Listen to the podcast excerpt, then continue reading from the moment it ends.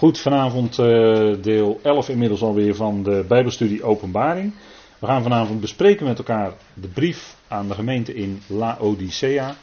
En wij uh, gaan lezen zometeen met elkaar, maar voordat we dat doen wil ik graag eerst met u beginnen met gebed. Trouwvader, wij danken u dat we ook hier vanavond weer bij elkaar zijn, rondom dat profetische woord. Dank u wel voor de onthulling van Jezus Christus, Vader, die in dit Bijbelboek onthuld wordt. Het is uw zoon zelf. Dank u wel, Vader, dat uw plannen eigenlijk om hem draaien en hij is de uitvoerder van datgene wat u bedoelt, Vader. En dank u wel dat we hier gezamenlijk weer een aantal versen met elkaar mogen bespreken, mogen overdenken. Geeft u wijsheid, geeft u leiding door uw geest, geeft u ons het verstaan in ons hart, zodat we kunnen, iets kunnen begrijpen van de dingen die u zegt tegen de leden van uw volk Israël. Dank u wel, Vader, dat u ons zicht heeft gegeven op de schrift. Dat eigenlijk het overgrote deel van de schrift gericht is aan en bedoeld is voor uw volk. En dat met name de brieven van de apostel Paulus bedoeld zijn voor de gemeente die het lichaam van Christus is. Vader, dank u wel voor, die, voor dat zicht op uw woord, wat zoveel duidelijk maakt als we uw woord op die wijze lezen. Dank u wel, Vader, voor de nauwkeurige vertaling die tot stand is gebracht. En dat we daar vruchten van mogen plukken en ook daardoor kunnen zien wat in de oorspronkelijke tekst staat. Vader, dank u wel dat u ons iets van uw woord wil onthullen, ook vanavond. Vader, mag het zijn tot opbouw van ons geloof en tot diepere waardering en erkenning van wie u bent en van wie uw zoon is.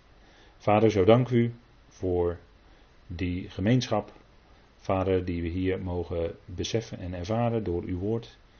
En dat u ons dat aanreikt. Vader, dank u wel dat we ons oor en ons hart daarvoor mogen openstellen. We danken u, wij loven en prijzen u. In de machtige naam van uw geliefde zoon. Amen. Goed, wij lezen met elkaar openbaring 3 en dat doen wij vanaf vers 14.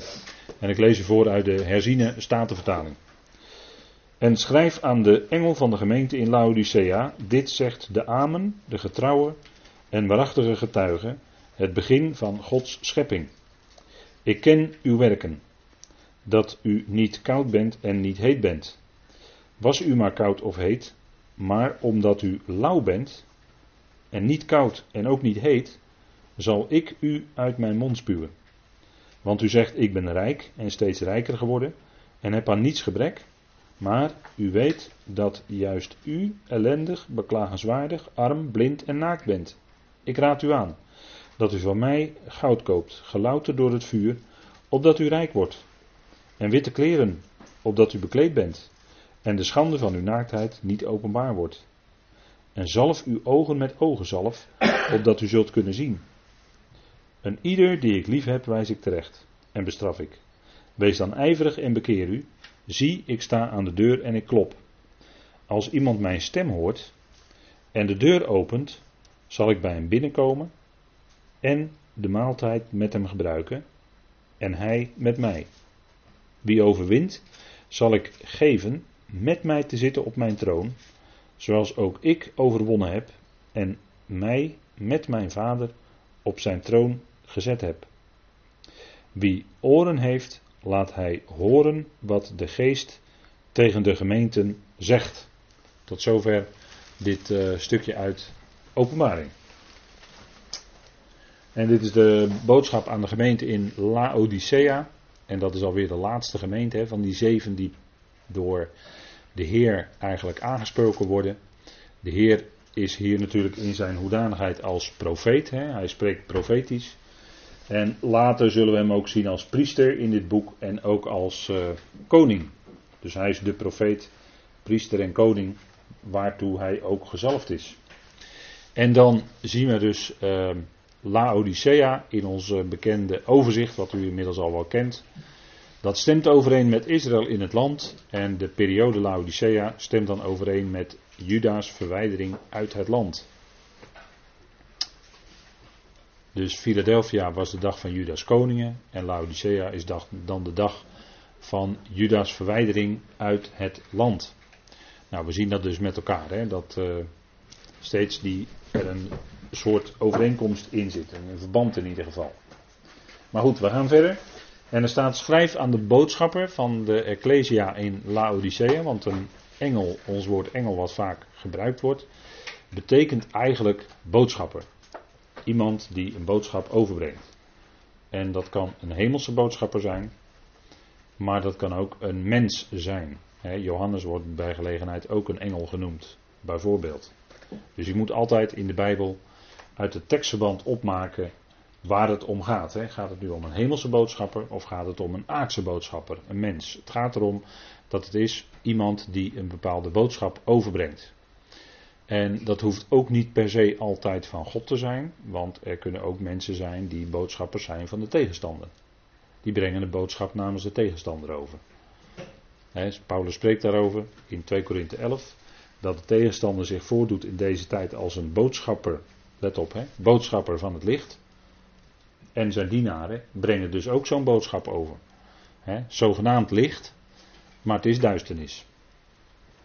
Dat is het, hè. Maar goed, dat is hoe de tegenstander zich in deze tijd manifesteert, namelijk als een boodschapper van het licht. En we zien dus in het boek Openbaring dat de tegenstander gezien wordt als een grote rode draak. Hij is dan de draak van de eindtijd. Hè? En dan laat hij eigenlijk zijn ware gezicht zien. Hij wil niets anders dan de plaats van Christus innemen. En dat doet hij door middel van degene die hij dan op dat podium zet. En dat is dan hè, degene die zich echt stelt in de plaats van Christus, oftewel wat we kennen onder de naam de Antichrist. En de Antichrist, dat is een betiteling die alleen bij Johannes in zijn brieven wordt gebruikt. En wij vinden bij Paulus ook de term wetteloze. En of dat dezelfde figuur is, of dat dat twee verschillende zijn, dat ligt altijd een beetje moeilijk. Maar de antichrist in ieder geval iemand die dat, dat wijst meer naar de religieuze kant. En omdat hij zich in plaats stelt van Christus. En hij zal zich ook manifesteren met bedriegelijke tekenen en wonderen in de eindtijd. En zo zal hij vele mensen, vele mensen kunnen misleiden. En ook waar mogelijk de uitverkorenen. Dus dat over het woord boodschapper. Hè? Van de Ecclesia, van de uitgeroepen groep. Dat kan dus een plaatselijke groep zijn, het woord Ecclesia, uitgeroepenen betekent dat. Kan een plaatselijke groep zijn, en het is hier die plaatselijke groep die dan is in Laodicea. En let op, het gaat hier weer om een Joodse christengemeente in de eindtijd. En de eindtijd is dus nadat de gemeente, het lichaam van Christus, is weggenomen, weggerukt van deze aarde. dus deze zeven gemeentes, dat zijn zeven lokale ecclesia's, Joodse christengemeentes, die dan er zullen zijn in die plaatsen, maar dat zijn dus plaatselijke gemeentes, en die moet u nooit verwarren met het lichaam van Christus, wat vandaag de dag wordt uitgeroepen. Doe je het wel, dan is de verwarring eindeloos. Dan komt u er nooit meer uit. Want hoe kan het dan dat er bij deze brieven bij deze zeven gemeentes allerlei voorwaarden worden gesteld. En hoe kan het dan dat bij het lichaam van Christus geen voorwaarden zijn, maar dat het louter genade is? Daar kom je dan nooit uit. Dat is de verwarring in de christenheid, want die willen alles graag op zichzelf toepassen en dat kan niet. Je moet onderscheid maken tussen het lichaam van Christus en tussen het volk Israël. Doe je het niet, dan is de verwarring eindeloos. Dat garandeer ik u en dat zien we ook in het christendom in de christenheid. En ook onder veel gelovigen vandaag de dag. Hè, is de verwarring eigenlijk eindeloos, omdat men meent dat men aansluiting moet vinden bij Israël. En niet onderscheid maakt tussen het volk Israël als zodanig en de gemeente die het lichaam van Christus is. En dat is nu eenmaal iets anders dan Israël. Maar als je dat verschil niet wil erkennen, dan is de verwarring eindeloos en dan ga je met de, alle winden mee. Zou ik bijna willen zeggen. Met allerlei wind van leer ga je dan, dreig je dan mee te gaan. Laat ik het nog even voorzichtig zeggen. Nou, Laodicea betekent, uh, dat is een samengesteld woord in het Grieks. Laos is volk, dat is het woord voor volk. En dat wordt vaak dat woord Laos op zich wordt vaak gebruikt voor het volk Israël. En let op dat de term volk kun je ook niet toepassen op het lichaam van Christus. Ga je dat wel doen, dan ben je alweer met verwarring bezig. Want het volk is nu eenmaal het volk Israël.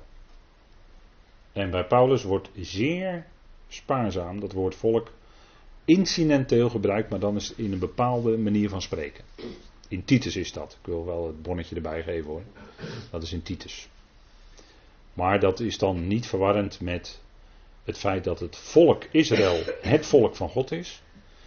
En de gemeente, het lichaam van Christus, is niet het volk van God. De gemeente, het lichaam van Christus, is niet het volk van God. Maar is het lichaam van Christus. Want dat is wat er staat. Dus die dingen moet je altijd uit elkaar houden. En dat is alleen maar voor je eigen geestelijke behoud. Anders kom je in geestelijke verwarring tot en met.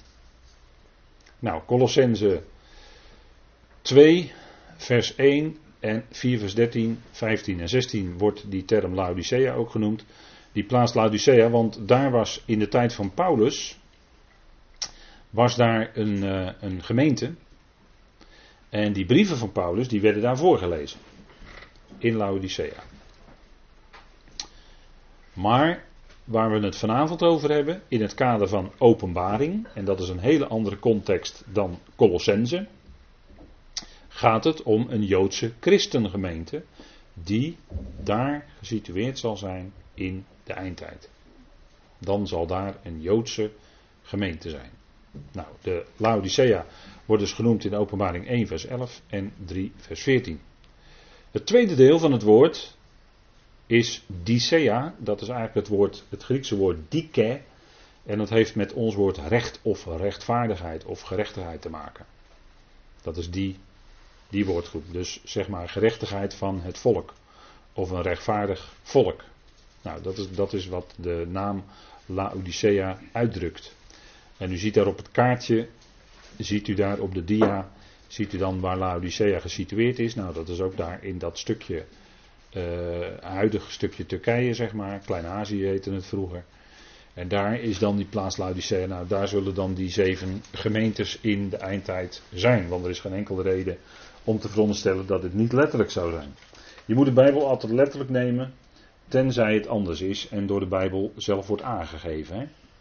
Maar voor zover het niet wordt aangegeven, moet je hem in principe eerst letterlijk nemen altijd. Eerst letterlijk, voor zover dat kan. Goed. En dan staat er schrijf aan de boodschapper van de Ecclesia en Laodicea. Dit zegt de Amen.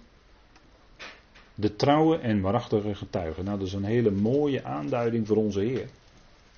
dit zegt de Amen. Amen is natuurlijk een Hebreeuws woord. Dat heeft te maken met trouw. Of als je zegt Amen, dan beaam je wat gezegd wordt. we vinden dat dus in onze uitdrukking in onze taal nog terug. Je beaamt wat er gezegd wordt, dan zeg je eigenlijk, als je amen zegt, zeg je dat geloof ik, dat is betrouwbaar, daar sta ik achter. En daarom eindigt Paulus ook wel zijn brieven met dat woord amen. Hè? Nou, dat is ook zo. Dan kunnen wij, als we een brief van Paulus gelezen hebben, kunnen wij van harte amen zeggen tegen zo'n brief, tegen de inhoud. Hè, want dat is voor ons bestemd. Maar de Heer Jezus Christus wordt hier genoemd de amen. Dat wil zeggen, hij is de betrouwbare. Hij is degene die het woord van God waar maakt. Want amen, of emuna in het Hebreeuws, of emet, en het woord emet betekent de waarheid, dat zijn woorden die hebben met elkaar te maken. Dat is dezelfde woordfamilie. Dus waarheid heeft te maken met trouw, met betrouwbaarheid, met geloof. En dat, is, uh, dat komt hier ook naar voren. hij is de Amen, hij is de betrouwbare, hij vervult het woord van God.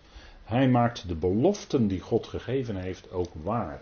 Hij is de vervuller van de beloften van God. En daarmee hebben we natuurlijk wel een geweldige aanduiding van onze Heer. Hij is degene die alle beloften waarmaakt. Alle beloften, zegt Paulus ook in 2 Korinthe 1, zijn in Christus Jezus ja en amen staat er dan. Hè? Nou, Dus dat wil zeggen, hij is degene die de belofte van God waarmaakt. En dat doet hij ook voor ons. Niet alleen voor het volk Israël, maar ook voor ons. Maakt hij alle beloften die God gegeven heeft, maakt hij waar. Dat is natuurlijk iets geweldigs. Hij is degene die betrouwbaar is. We kunnen op hem aan.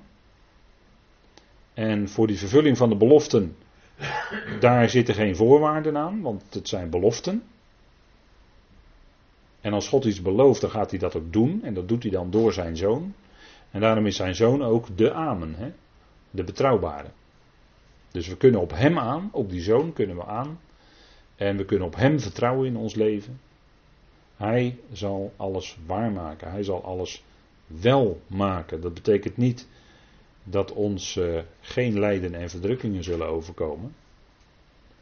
Want gelovigen overkomt misschien juist nog wel meer lijden en verdrukkingen dan mensen die niet geloven. Dat zou best kunnen, omdat het met geestelijke dingen te maken heeft, met geloof te maken heeft. En hij zorgt ervoor dat de, uiteindelijk de uitkomst goed is. De weg er naartoe gaat via lijden, gaat via verdrukkingen. Maar het werkt uiteindelijk allemaal uit tot het goede. Dat zegt Paulus toch in Romeinen 8. Hij is er die alles zal doen samenwerken tot het goede. Alles. Dus ook de moeilijke dingen, de verdrietige dingen, de, wat wij dan zeggen de negatieve dingen. Maar het zal meewerken uiteindelijk tot het goede. En het uiteindelijk goede zal God geven. Daar staat God zelf garant voor. En daar staat zijn zoon garant voor. die zoon zal het waarmaken. Nou, hij is dus de Amen. En dan staat er ook bij de trouwe en waarachtige getuige. Hij is getrouw. God is getrouw. Dat is geweldig, hè? dat staat boven ons leven. God is getrouw. God vervult zijn beloften. God vervult zijn woord. En dat doet hij op zijn tijd en op zijn manier, maar hij vervult zijn woord. En daarin is hij trouw. Hij is trouw aan het woord wat hij gesproken heeft. En als we nadenken over het boek Openbaring, dan zien we dat daar gerichten over het volk Israël komen en gerichten over de volkeren. Maar niettemin is God trouw. Trouw aan zijn volk. Paulus stelt de vraag in de Romeinenbrief, in Romeinen 3 bijvoorbeeld, zal hun ontrouw, of hun ongeloof, en hun is dan Israël, het geloof van God, vind ik dat een hele mooie uitdrukking, het geloof van God. Daar staat er, het geloof van God. zal hun ongeloof het geloof van God teniet doen. En zegt u, gelooft God dan? Ja, ja, ja, nou, nou en of. God gelooft in zijn eigen beloften. Dat wil zeggen, hij is trouw aan de beloften die hij gegeven heeft en zal ze ook vervullen. Want het woord geloof, dat weet u wel, is hetzelfde als het woord trouw in het Hebreeuws en in het Grieks. Dus het heeft alles met elkaar te maken. God vervult zijn beloften. Hij is trouw. En hun ongeloof, of hun ontrouw, dat is de ontrouw van Israël, zal niet de trouw van God buiten werking stellen. Wel nee. Paulus is eerder geneigd om te zeggen, juist hun ontrouw maakt des te scherper duidelijk hoe trouw God is. Tegen die zwarte achtergrond van hun ontrouw blijkt Gods trouw des te meer. En des te helderder en des te scherper. Kijk, dat, dat zijn fijne dingen die zo uit dat woord naar voren komen. Kijk, God is getrouw. En als je nadenkt over het boek Openbaring, dan word je geïmponeerd door de enorme gerichten die daarin beschreven staan. En toch is God de gever van dit boek. God onthult zijn zoon in dit boek. En daarom, omdat God liefde is, want daar wil ik eigenlijk naartoe, is het boek Openbaring ten diepste toch een onthulling van zijn liefde. Want je moet niet stil blijven staan bij het proces, bij de gerichten die kort zijn, want dat wil ik ook benadrukken, die kort zijn, als deze dingen gaan gebeuren, zal het heel snel gaan, in korte tijd. Zijn gerichten zijn heel kort, maar dat is een proces om te komen tot het goede, namelijk dat er een duizendjarig rijk komt waarin vrede en gerechtigheid zal regeren. De shalom van de Messias. Over Israël en over de volkeren. Kijk, en dan staat er boven dat boek, vind ik, die God die liefde is. En dat God dan zo moet ingrijpen, is eigenlijk zijn liefde. Om datgene eigenlijk weg te halen, net zoals een chirurg een zieke plek uit een lichaam moet wegsnijden, zo zal God dat wat ziek is wegsnijden, zo zou je het ook kunnen zeggen, om te komen tot een herstelde aarde en een hersteld koninkrijk aan Israël. De wederoprichting van alle dingen, in handelingen 3, dat is de wederherstelling van alle dingen. Dat is de komst van het koninkrijk hier op aarde. Dat is niet het ultieme, dat denken heel wat mensen en theologen denken dat ook. Maar dat is ook nog een stap op weg naar de uiteindelijke volkomenheid. Het duizendjarig rijk. Dat is de wederherstelling van alle dingen. En daarvan is gesproken door de profeten. Maar daaruit blijkt wel dat God trouw is. Daaruit blijkt wel dat alle beloften die hij gegeven heeft aan Abraham en door de profeten gegeven heeft, dat hij die ook vervult en dat hij die waarmaakt. En dat er ook een geweldig rijk zal komen. En waarin David zal regeren, weet u wel? We hebben dat gezien, hè? Een stuk of zes, zeven schriftplaatsen uit het Oude Testament, waar staat dat David koning over Israël zal zijn. We hebben dat gelezen met elkaar, hè? En ik kan niet op tegen zes of zeven getuigen hoor. Die dat getuigen. Dan ga ik dat niet wegredeneren door te zeggen dat koning David dan een aanduiding is van de Messias Jezus. Die, die bocht maak ik niet. Er staat gewoon dat het koning David is. En God zal hem uit de doden opwekken daartoe. Ja, natuurlijk. Maar dat doet God toch gewoon. Dat is toch helemaal niet zo moeilijk voor God. Om iemand uit de doden op te wekken. Het is toch net Pasen geweest. Nou, als die dan David later opwekt, dat is toch niet zo moeilijk allemaal. God is een God van de levenden hoor, niet van de doden. Nou, David zal koning zijn over Israël. Hij zal regeren. En dat is een vervulling van de belofte van God. Ook aan het koningshuis van David. En zo maakt hij alles waar wat hij beloofd heeft. Ook al zien wij nu nog niet ook al zien wij dat nu nog niet. Hè, wij zien nu nog niet dat aan de Heer Jezus alle dingen onderworpen zijn. Maar dat moment gaat wel komen. En die macht heeft hij in principe wel ontvangen. Nou, hij is dus waarachtig. hij is de trouwe en waarachtige getuige. Hij is de ware, hij is de waarachtige. dat staat in uh, uh, Openbaring 3, vers 7 dat hij de waarachtige is. En misschien kunnen we die tekst nog even bij, bijpakken. Die staat er vlakbij. Hebben we gelezen de vorige keer. Dit zegt de heilige, de waarachtige, die de sleutel van David heeft, die opent en niemand sluit, en hij sluit en niemand opent. En we hebben daar toen bij gelezen, uit uh, Jezaja meen ik, daar, daar, ging het over Eljakim, weet u nog wel, die de sleutel had. En Eljakim was een type van Christus, dat hebben we vorige keer gezien. Maar goed, uh, de heilige en de waarachtige wordt hier genoemd. Hè? Dan zien we dat ook in Openbaring 6, vers 10, als we daar even naartoe bladeren.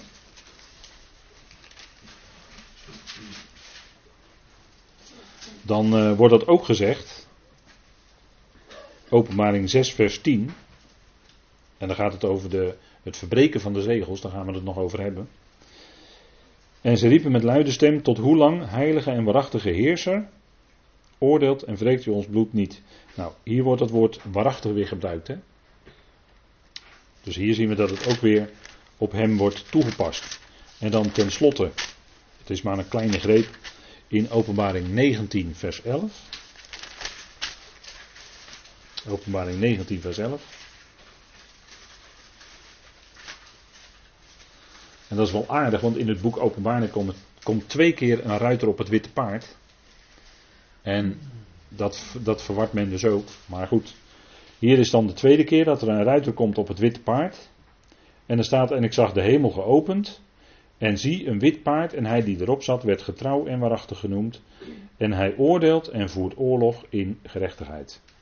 Dus getrouw en waarachtig. Ziet u het? Daar wordt weer hetzelfde gezegd over de Heer die getrouw en waarachtig is. Ja? Dus heeft u een aantal teksten waar dat ook staat. Goed, dan gaan we terug naar Openbaring 3, vers 14. er staat ook dat hij getuige is. Hij is de trouwe en waarachtige getuige. En dat is uh, eigenlijk vanuit, het, uh, vanuit de grondtekst. Kennen wij dat woord als iemand die markeert, die, iemand die een markering zet. Ja, als je dus een markering zet, dan zet je ergens een streep onder om het duidelijk te accentueren, om het vast te stellen.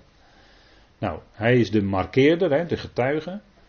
En dat is degene, hè, een getuige is degene die getuigt van waargenomen feiten. Dat kennen wij nog wel in het dagelijks leven. Als er een verkeersongeluk is geweest, dan wordt er soms gevraagd naar getuigen die dat gezien hebben. Of als er een misdaad gepleegd wordt, wordt er soms ook gevraagd naar getuigen die iets gezien hebben. En dan moet men dus op basis van, of getuigenverklaringen kunnen dan helpen om het feit daadwerkelijk vast te stellen. Nou, hier gaat het om de getuige, bij uitstek, de Heer zelf. En hij getuigt van de waargenomen feiten. En die feiten zijn, nou, datgene wat vader hem heeft opgedragen om te doen. Wat vader wil dat hij doet. En dat zien we, hij wordt ook zo genoemd in openbaring 1 vers 5, maar dat hebben we natuurlijk al besproken met elkaar. Openbaring 1 vers 5. He, daar staat Jezus Christus, die de getrouwe getuige is. Dus hier wordt hij ook de getrouwe getuige genoemd. Hè? En de eerstgeborene uit de doden. Dus hij is getrouw en hij is getuige en hij getuigt van die geweldige feiten van de God die ons allen lief heeft. Nou, dat even over de betiteling van onze Heer in de aanhef van deze brief.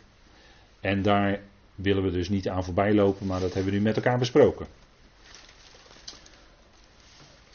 Hij is, en dat is dan de volgende opmerking die over hem gemaakt wordt, en dat is, een, dat is ook wel weer zo'n belangrijke opmerking. Hij is namelijk het begin van de schepping van God, zo wordt hij hier genoemd. In de Engelse Concordant Version, daar lees je dan, hij is eh, God's creative original. Maar dat is een beetje moeilijk om dat zo letterlijk in het Nederlands te vertalen. Maar in ieder geval is hij het begin. En het woord begin is wel belangrijk, want het woord begin is het woord arche in het Grieks. En het woord arche is eigenlijk de hoogste of de eerste van een bepaalde reeks. Je zou kunnen zeggen dat is een oorsprong. Of misschien zou je zelfs wel kunnen zeggen het is een origineel. En als je zou zeggen hij is het origineel van Gods schepping, dan moet je dat toch verklaren. Dan moet je dat toch over nadenken van hoe zit dat dan als hij dan het origineel is? Hoe moet ik dat zien? Nou, ik heb hier een, eh, een dia uh, op deze. Ik heb een foto op deze dia gezet. Van een man die staat bij een hele grote, dikke boom. Dat zijn bomen die worden heel oud ook. Die groeien in Californië onder andere. Dat is een Sequoia gigantea. En dat is ook inderdaad een gigant. Want als je ziet die man die naast die boom staat, dan kom je toch wel onder de indruk van hoe groot die boom is. Maar zo'n enorme boom komt voort uit een heel klein zaadje. En je kan dus eigenlijk zeggen, in dat kleine zaadje, wat dan ooit op een gegeven moment in die grond terechtkomt, daarin zit eigenlijk die hele boom. Met al zijn dikte, met al zijn takken, met al zijn, noem maar op, met al zijn heerlijkheid. En zo heeft God eigenlijk oorspronkelijk in de zoon, in de zoon, heeft hij het al geschapen. En dat is voor ons, als u dat voorbeeld dan even in gedachten houdt uit de natuur, dan gaat u er iets van begrijpen. Niet dat alles vanzelf uit die zoon is gegroeid, zoals die boom uit het zaadje, maar God heeft wel in hem alles geschapen. En hij is dan ook daarin het origineel. En daardoorheen, en daaruit zou je misschien ook kunnen zeggen, heeft God het al geschapen. Maar het begin, eerste, was de zoon. En dat zegt Paulus in Colossense, in Colossense 1 vers 16, waar staat dat in dat beeld van God, want daar wordt hij genoemd het beeld van de onzichtbare God. Colossense 1, vers 15 en 16. Hij is het beeld van de onzichtbare God. En dan zegt Paulus, en in hem, en door hem, en tot hem, dat we zeggen, tot hem in, is alles geschapen. En dat is een ongelooflijke uitspraak. Want dat geeft eigenlijk antwoord op de vraag waar nou die hele schepping vandaan komt. Nou, we weten, dat is uit God. De schepping is uit God. En hij heeft alles in die zoon, het al, hè, heeft hij in de zoon geschapen. En ook door hem staat er dan en tot hem. Je moet letten op de voorzetsels die gebruikt worden, want dat, dat zegt heel veel. Dus door hem en tot hem. Door hem heen. En zal ik uiteindelijk zijn dat die schepping is tot hem in. En is ook eigenlijk voor hem bedoeld. Dus hij is het oorsprong, hij is het origineel. Begin van Gods schepping. Nou, dat is iets heel bijzonders, hè, wat dan hier van hem gezegd wordt. Hij is het begin van de schepping van God. En dan krijgen we zo in de openbaring ineens een enorme uitspraak over hij die hier als profeet spreekt tot die Joodse gemeentes. En het is eigenlijk wonderlijk dat ook binnen de christenheid ook het feit van Gods schepping vaak ter discussie wordt gesteld. En dat vind ik jammer, want dan denk ik, Gods woord is zo duidelijk. Gods woord is zo duidelijk als het gaat om de schepping, waar dat vandaan komt. En wie dat geschapen heeft. En in wie dat geschapen is. Enzovoort, enzovoort. Maar de, Gods woord is zo duidelijk.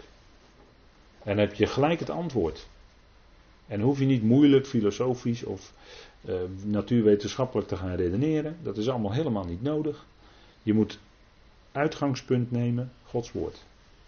En al de wetenschap die jij doet, en alle filosofie die jij misschien, hè, alle nadenken die jij doet, moet altijd ondergeschikt zijn aan het woord. Want het woord is waar het om gaat.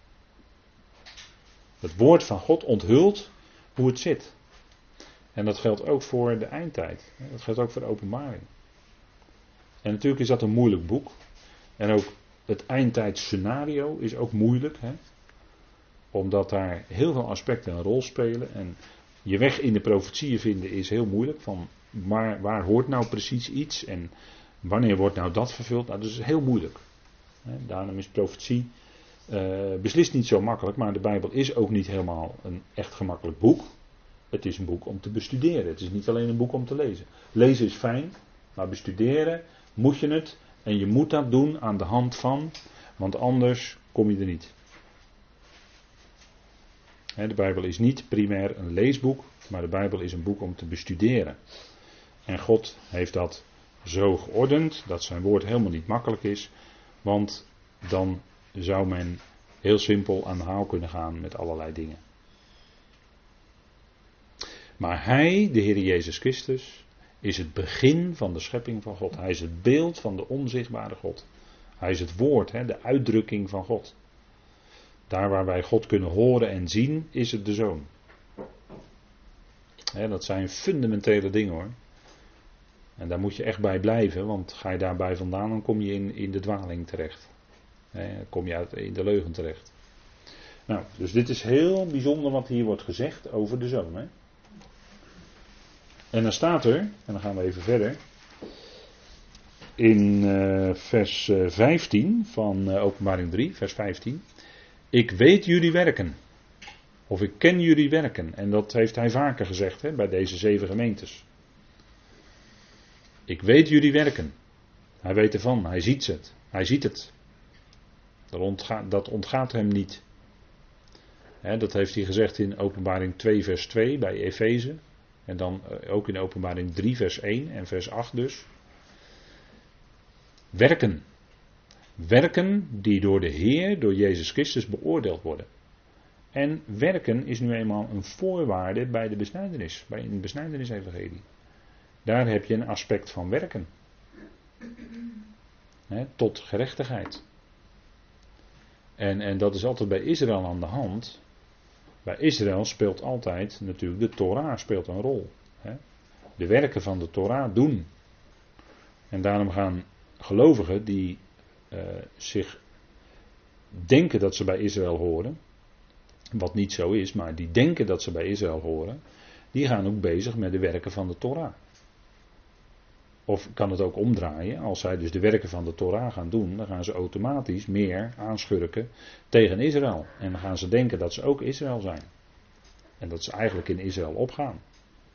En dan kom je er dus niet meer uit. Want dan verdwijnt eigenlijk, hè, mensen die dat doen, dan merk je gewoon dat de gemeente als unieke lichaam van Christus verdwijnt eigenlijk en gaat op in Israël. Er is er dus geen gemeente meer. Dat, heb, krijg je dan.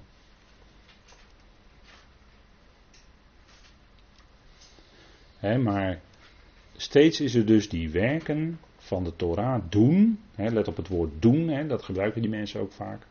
Van ja, we willen graag iets doen. Maar dan willen ze de werken van de Torah doen. En dan kun je afvragen, ja, waarom eigenlijk? Tot gerechtigheid? Maar dat is toch lang aangetoond. Het is toch lang aangetoond dat Israël tot een wet van de gerechtigheid of tot de werken van de gerechtigheid niet kon komen. Dat zegt Paulus toch in de Romeinenbrief. En waarom staat er dan in Romeinen 3 dat er nu buiten de wet om, hoort u het? Buiten de wet om gerechtigheid van God onthuld is door het geloof van Jezus Christus? Dat staat er allemaal hoor in Romeinen 3 vers 21. Thans is echter buiten de wet om. Gerechtigheid van God onthuld. In het evangelie wordt Gods gerechtigheid onthuld. En waar zijn die mensen mee bezig? Die zijn bezig met hun gerechtigheid. Dat zij de Torah doen. Maar het gaat om de gerechtigheid Gods hoor. En als die aan jou wordt toegerekend door het geloof van Jezus Christus. Dan ben jij veel rechtvaardiger dan jij ooit kan worden doordat jij de werken van de Torah doet. Ook al hou je die Shabbat je hele leven.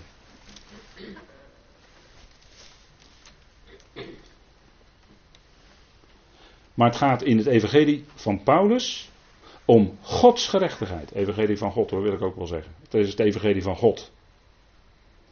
Romeinenbrief. En daarin wordt de gerechtigheid van God onthuld. En daar gaat het ook in het boek Openbaring om. Daar wordt de ongerechtigheid en de wetteloosheid van de mens feilloos aangetoond. En daarin wordt Gods gerechtigheid naar voren gebracht. En dan zal God recht doen. Ja, inderdaad, God zal recht doen. Hij zal het recht voortbrengen, zoals in de profeten beloofd is over de Messias, dat hij het recht zal voortbrengen, staat in Jezaja. Hij zal het recht voortbrengen. Dat zal hij doen. En dan wordt alles wat op zijn kop gezet is, wordt weer rechtgezet. Daar spreekt het boek Openbaring over. Want we leven in een tijd waarin alles, maar dan ook alles op zijn kop is gezet hoor. De leugen regeert. dat is een mooie titel voor een televisieprogramma, maar het is wel waar. en de wereld draait door, dat is ook een mooie titel van een televisieprogramma, maar het is wel waar ja. De wereld is doorgedraaid. Dolgedraaid worden ze. Maar het punt is dat hij gaat komen en dan gaat hij de dingen recht zetten. Dan zal er recht gedaan worden. Nou, en dat is Gods liefde. Dat hij ingrijpt. Want als hij de mensheid laat gaan, moet je kijken wat, er dan voor, wat, er dan, wat je dan voor een verwording krijgt. En het punt is, kijk, bij het lichaam van Christus is het geen voorwaarde, is werken geen voorwaarde, maar is werken een gevolg. Wij wandelen in de werken die God, let op hè, die God tevoren bereid heeft. Die goede werken, daar wandelen we in. En dat is het resultaat van zijn genade. Dus geen voorwaarde. En onze werken worden wel bij de Bema beoordeeld. Inderdaad, ja, klopt. Het wordt, wordt bij de Bema beoordeeld. Maar dan zullen wij erkennen dat Hij het was, dat God het was, die in ons zowel het willen als het werken, als het werken, in ons bewerkte naar zijn welbaren. Dat zal dan daar duidelijk worden en zullen we ook erkennen. Dus dat is een hele andere sfeer, een hele andere setting dan de werken die beoordeeld worden hier in het boek Openbaring bij die zeven gemeentes.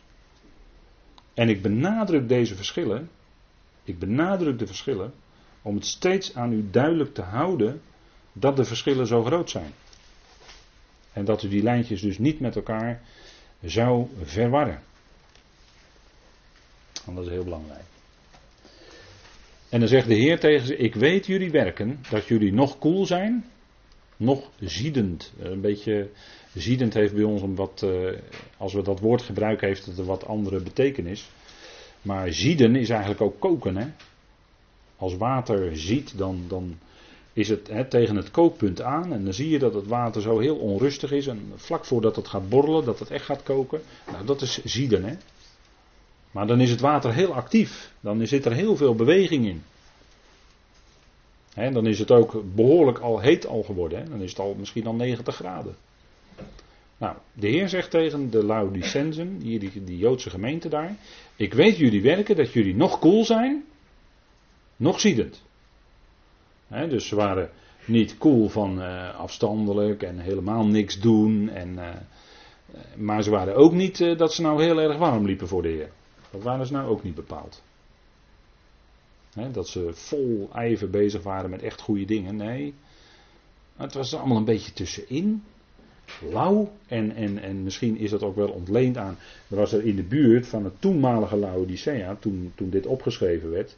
Was daar in de buurt een plaats en daar stroomde dan warm water vandaan. En als dat water, warme water door dat beekje of door die waterweg eenmaal Laodicea bereikt had, dan was dat water lauw geworden.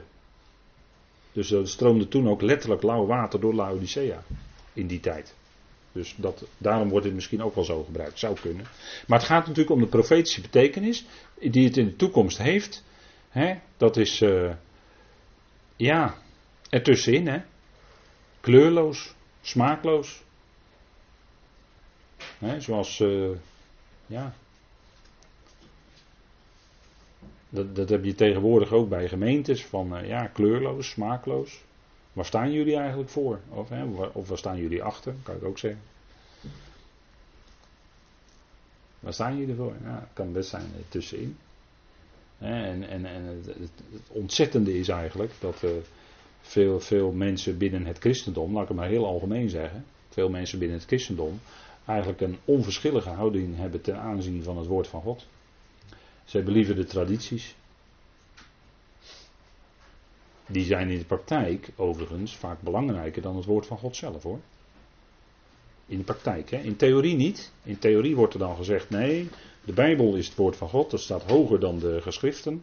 Maar in de praktijk, als het dan gaat op de toetsen van de belijdenisgeschriften aan Gods woord, als het daarom gaat, dan blijken toch die belijdenisgeschriften en de geloofsbelijdenis belangrijker dan de woord, het woord zelf. Dat zijn niet mijn woorden, dat zijn de woorden van wijlen professor Dr. C. Graafland. Ik citeer alleen maar hoor. En die wist hoe het zat hoor, die professor. Die wist echt hoe het zat. Die kende de reformatoren van binnenuit. Dus, en die zei dat dus binnen eigen kring. En dat was terecht, want het gaat om het woord. Het ging hem over het woord en daarom respecteerde ik hem heel erg. Maar kijk, ertussenin is geen kleur, geen smaak. Waar zijn mensen die nog echt warm lopen voor het woord? Die echt dat, alleen dat woord willen. Nee, vaak is een, snel, vaak wordt de onverschillige houding aangenomen. Schouders ophalen. Is te moeilijk. Duurt te lang. Is te veel. Slap. En zo was het ook bij die Laodicea. Het was er tussenin. Ze waren niet cool. En ze waren ook niet ziedend. Maar het was allemaal een beetje tussenin. Ze vonden het allemaal wel best. Ze geloofden het wel. Net zoals die smiley. Zo, nou, ja, daar spreekt niks uit. Die mond is alleen maar een streep. Die staan niet met de mondhoeken naar beneden. Dan kan je nog zeggen, nou ja, goed. Er zit nog een beetje porrie in van die wil afstand houden. Die is een beetje vijandig. Of die mondhoeken omhoog, hè, dat hij blij is met het evangelie. Dat is het ook niet. Het is er tussenin. Soms denk je wel eens mensen, ja, zijn mensen nou nog blij met het evangelie of niet? Nou, wij zijn er in ieder geval wel blij mee, dus wij gaan, gaan naar de volgende dia. Waren jullie maar koel of ziedend? zegt de Heer tegen ze. dan weet je tenminste wat je aan ze hebt. Als iemand koel is en afstandelijk, vijandig, weet je wel wat je eraan hebt. Kun je alles voor zeggen, maar je weet wat je eraan hebt. Maar zo'n tussenin, dat is allemaal zo kleurloos. Of, of ziedend, ja, dan ben je vurig voor. Hè? Dan sta je achter, geweldig, evangelie, geweldig. Hè, in de, dat bedoel ik even nu, even toegepast naar nu op ons. Hè, dan vind je het evangelie geweldig. Maar voor hen, ja, ze stonden ook niet eens uh, nou zo te springen voor het evangelie van de besnijdenis. Maar dat is dus de situatie van de Ecclesia van Israël, dus in die eindtijd. Ontzettend. Ontzettend. Dat ze maar ertussenin zijn. Lauw. Maar de geest zegt nadrukkelijk, en dat gaat dan even over onze tijd weer, de tijd voor de eindtijd, dat in navolgende era's, dus dat is de afgelopen 2000 jaar, sommigen zullen terugtrekken van het geloof. Zegt Paulus in 1 Timotheus 4 vers 1. Sommigen zullen terugtrekken van het geloof. Het geloof. Achtgevend op misleidende geesten en leringen van demonen. Nou, dat terugtrekken, dat is letterlijk, ze gaan er vanaf staan. Ze nemen daar afstand van. Waarvan? Van het geloof. En geloof in het evangelie wat Paulus bracht, overeenstemt, is in overeenstemming met genade. Geloof is het principe wat overeenstemt met genade. Dus als jij afstand neemt van het geloof, dan ga je waarschijnlijk bezig met allerlei werken. En daar heb ik het al over gehad. Werken van de Torah dus. Daar ga je misschien heel ijverig mee bezig. Maar ondertussen kun je toch afstand nemen van het geloof. Want dan leef je niet meer uit het geloof, maar uit de werken.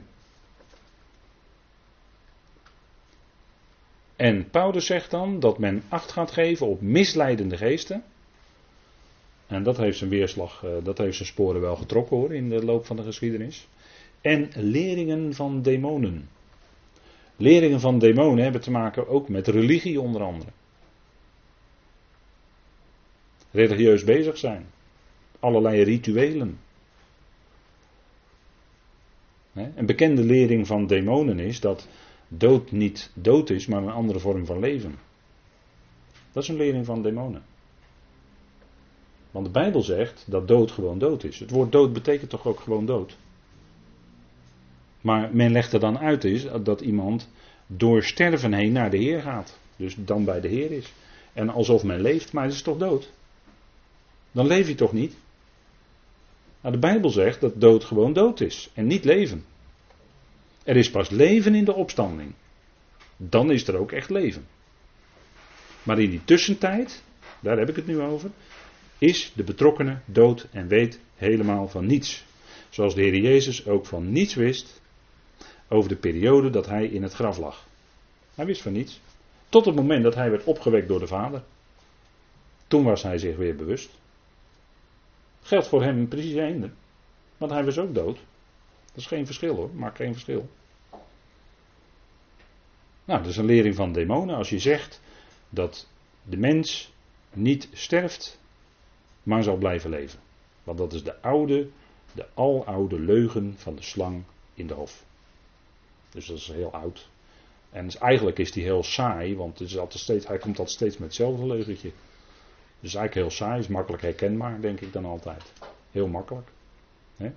Maar de boodschap van de slang is: je zult niet tot stervens toe stervend zijn, maar je zult als God zijn, je zult leven.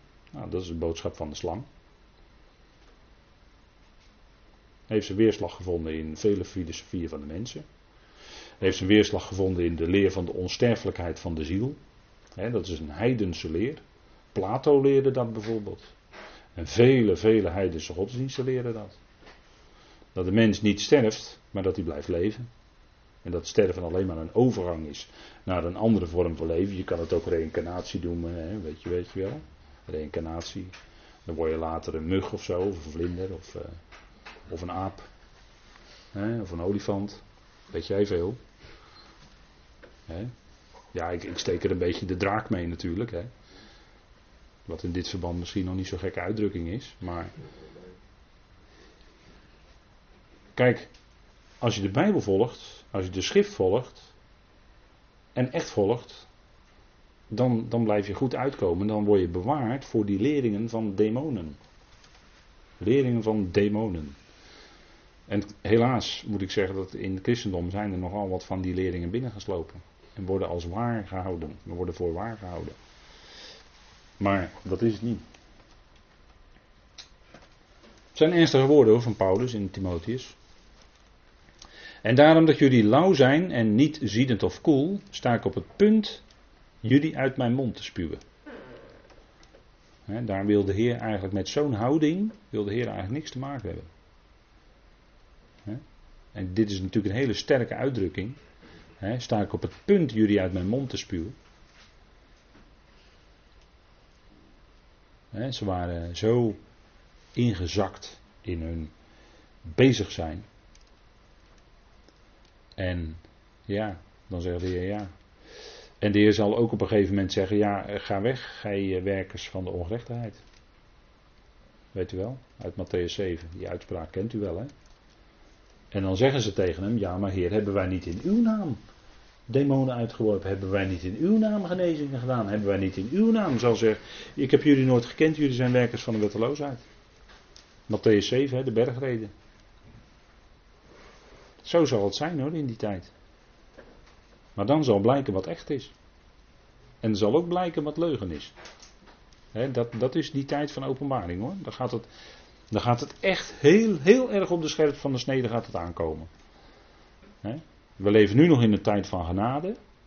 Waarin de Heer nog niet rechtstreeks ingrijpt. Maar straks dan gaat, gaat dat wel veranderen. Gaat het echt op de scherp van de snede worden.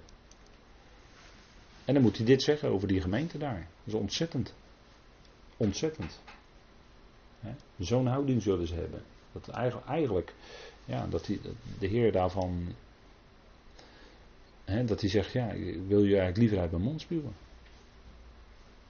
Onvoorstelbaar. Het zijn hele ernstige woorden dit, hè. Dat jij zegt, ik ben rijk. Ik ben rijk geworden, ik heb niets nodig. He, ziet, ziet, u hier de houding? Dat is wat hoog, hooghartige houding van die gemeente. Van die Joden dan. Dat, dat zullen ze ook zijn. Ze zullen dan ook heel rijk blijken te zijn, die Joden. ik ben rijk geworden, ik heb niets nodig. We kunnen onszelf al redden, denken ze. En dan staat er, en je hebt niet waargenomen dat jij de armzaligen en verlatenen en armen en blinden en naakten bent. Het tegenovergestelde wat ze denken te zijn. Precies het tegenovergestelde. Maar de Heer tekent hun geestelijke situatie als armzalig, als ellendig. Hè? Ellendig, ze zijn in feite ellendig er toe. Paulus gebruikt dat woord in Romeinen 7. Hè? Ik ellendig mens. Dat is precies hetzelfde woord als hier dat armzalig. Ik ellendig mens. Wat zal mij bergen uit het lichaam van deze dood? Nou, genade, hè? dat antwoord komt daar wel hoor, in de Romeinen. Genade. Genade is het antwoord. Daar. Ja, en hier eh, geeft de Heer het antwoord. Wat hij zal doen, hè. En de verlatene. Hè, je bent. Je hebt niet waargenomen dat jij de armzalige bent, dus de ellendige. In feite zonder, je wilt het in feite zonder de Heer doen. Zonder jullie God. En verlatene. Hè, wat denkt u? Israël, de verlaten vrouw. Waarom? Nou, omdat ze zelf geestelijke hoererij bedreven tot en met. Ze liepen overspelig de afgoden na. De profeten staan er vol van. En daarom verbraken zij, zij verbraken het verbond met Yahweh hoor. Hij deed dat niet, zij deden dat. En daarom gaf hij hun, naar Deuteronomium 24, een scheidbrief. Want eigenlijk, ten diepste gaat Deuteronomium 24 daarover. Hè, dat de Heer aan zijn vrouw, Israël, met wie hij in het huwelijk was getreden op de Sinaï, een scheidbrief moet geven op grond van haar gedrag. En dat is een ontzettende zaak. En vanaf dat moment is eigenlijk Israël de verlatene. En we gaan nu niet dieper inzoomen op de twee en de tien stammen. Dat komt misschien nog wel eens in de toekomst. Want dat is ook nog niet zo'n eenvoudige materie. Maar van beide wordt gezegd dat ze afvallig zijn. Dat ze afvallig zijn, dat ze andere goden nalopen. Overtreding van het eerste gebod. Gij zult geen andere goden voor mijn aangezicht hebben. Geen gesneden beeld maken. Dat deden ze wel. Consequent en in grote getalen. En daarop geeft de Heer hen een scheidbrief. De verlatene, de verlaten vrouw, is een beeld van Israël in de Bijbel, altijd. En de bruid trouwens ook. Israël is de bruid, volgens de Bijbel. De gemeente niet, dat is het lichaam. Heb je die lijntjes weer, hè? Vindt u misschien wel vervelend dat ik daar steeds mee kom. Maar ik blijf ermee komen. Want dat zijn de lijnen die je uit elkaar moet houden naar de schrift. De verlatene is een beeld van Israël. Zij is weduwe in feite. Zo wordt ze ook in de Bijbel genoemd. Hè? Jezaja 54, als ik het goed heb. He, daar is zij de weduwe. En ik heb de vorige keer die tekst uit Hosea aangehaald, Hosea 3. Dat zij vele dagen zou zitten. Zonder efot en zonder terafim, zonder enzovoort. Hè? Dat heb ik de vorige keer hebben we dat gelezen met elkaar. En dat was in het verband met David, dat David koning over hen zal zijn. Maar daar wordt zij ook de verlater genoemd. Beeld van Israël. De verlater is degene, en dat is weer de andere kant, degene die barmhartigheid wekt. Degene die barmhartigheid opwekt bij de Heer. En daarom zal de Heer hen toch weer in de toekomst over haar ontfermen. En dat is nou de liefde van de Heer.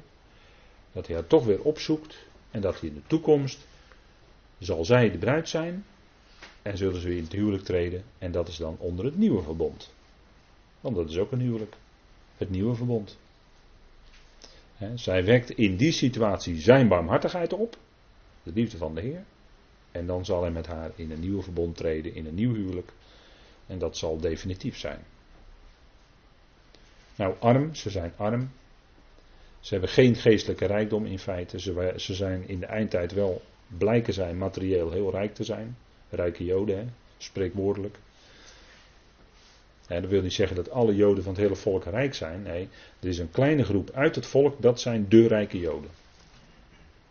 we zijn geen antisemieten. Maar er is een klein groepje uit de joden, dat zijn de rijke joden. En die hebben zich rijk gemaakt, enzovoort, enzovoort. dus we moeten die dingen ook goed onderscheiden. We hebben het volk lief, we bidden voor Israël. Het is zijn volk, het is Gods volk. En dat blijft het. Alleen, moet ik wel zeggen, met dat ik dat zeg, zeg ik wel nu, het is nu Lo-Ami. Lo-Ami, dus niet zijn volk. En het is nu Lo-Rugama, niet ontfermd, maar het zal zijn Ami en het zal zijn Rugama. Dat is de belofte. Hè? En dat gaat hij ook waarmaken. maar de beloften aan Abraham gedaan blijven altijd staan. En die, hebben, en die hebben te maken met het volk Israël. En het geestelijke zicht ontbreekt hen. Hè. Ze zijn blind. Want dat zegt de Heer hier. Jullie zijn de blinden. Dus als de Heer Bartimaeus tegenkomt, als hij de blinden langs de weg tegenkomt, als hij uh, blinden tegenkomt, dat is allemaal een beeld van het volk Israël. Ze zijn geestelijk blind. De blindgeborenen niet te vergeten. Johannes 9. Maar blind, het zicht ontbreekt. En dat komt omdat God, Romeinen 11, hè, omdat God hen een geest geeft van verdoving, van diepe slaap. En ogen om niet te zien en oren om niet te horen, tot op deze dag, zegt Paulus. Dat is een citaat uit Jezaja. Maar dat doet God, hè. God geeft hun die geest. Dat zij niet kunnen zien en niet kunnen horen. Want hij verhardt wie hij wil en hij ontfermt zich over wie hij wil. Zo is het wel.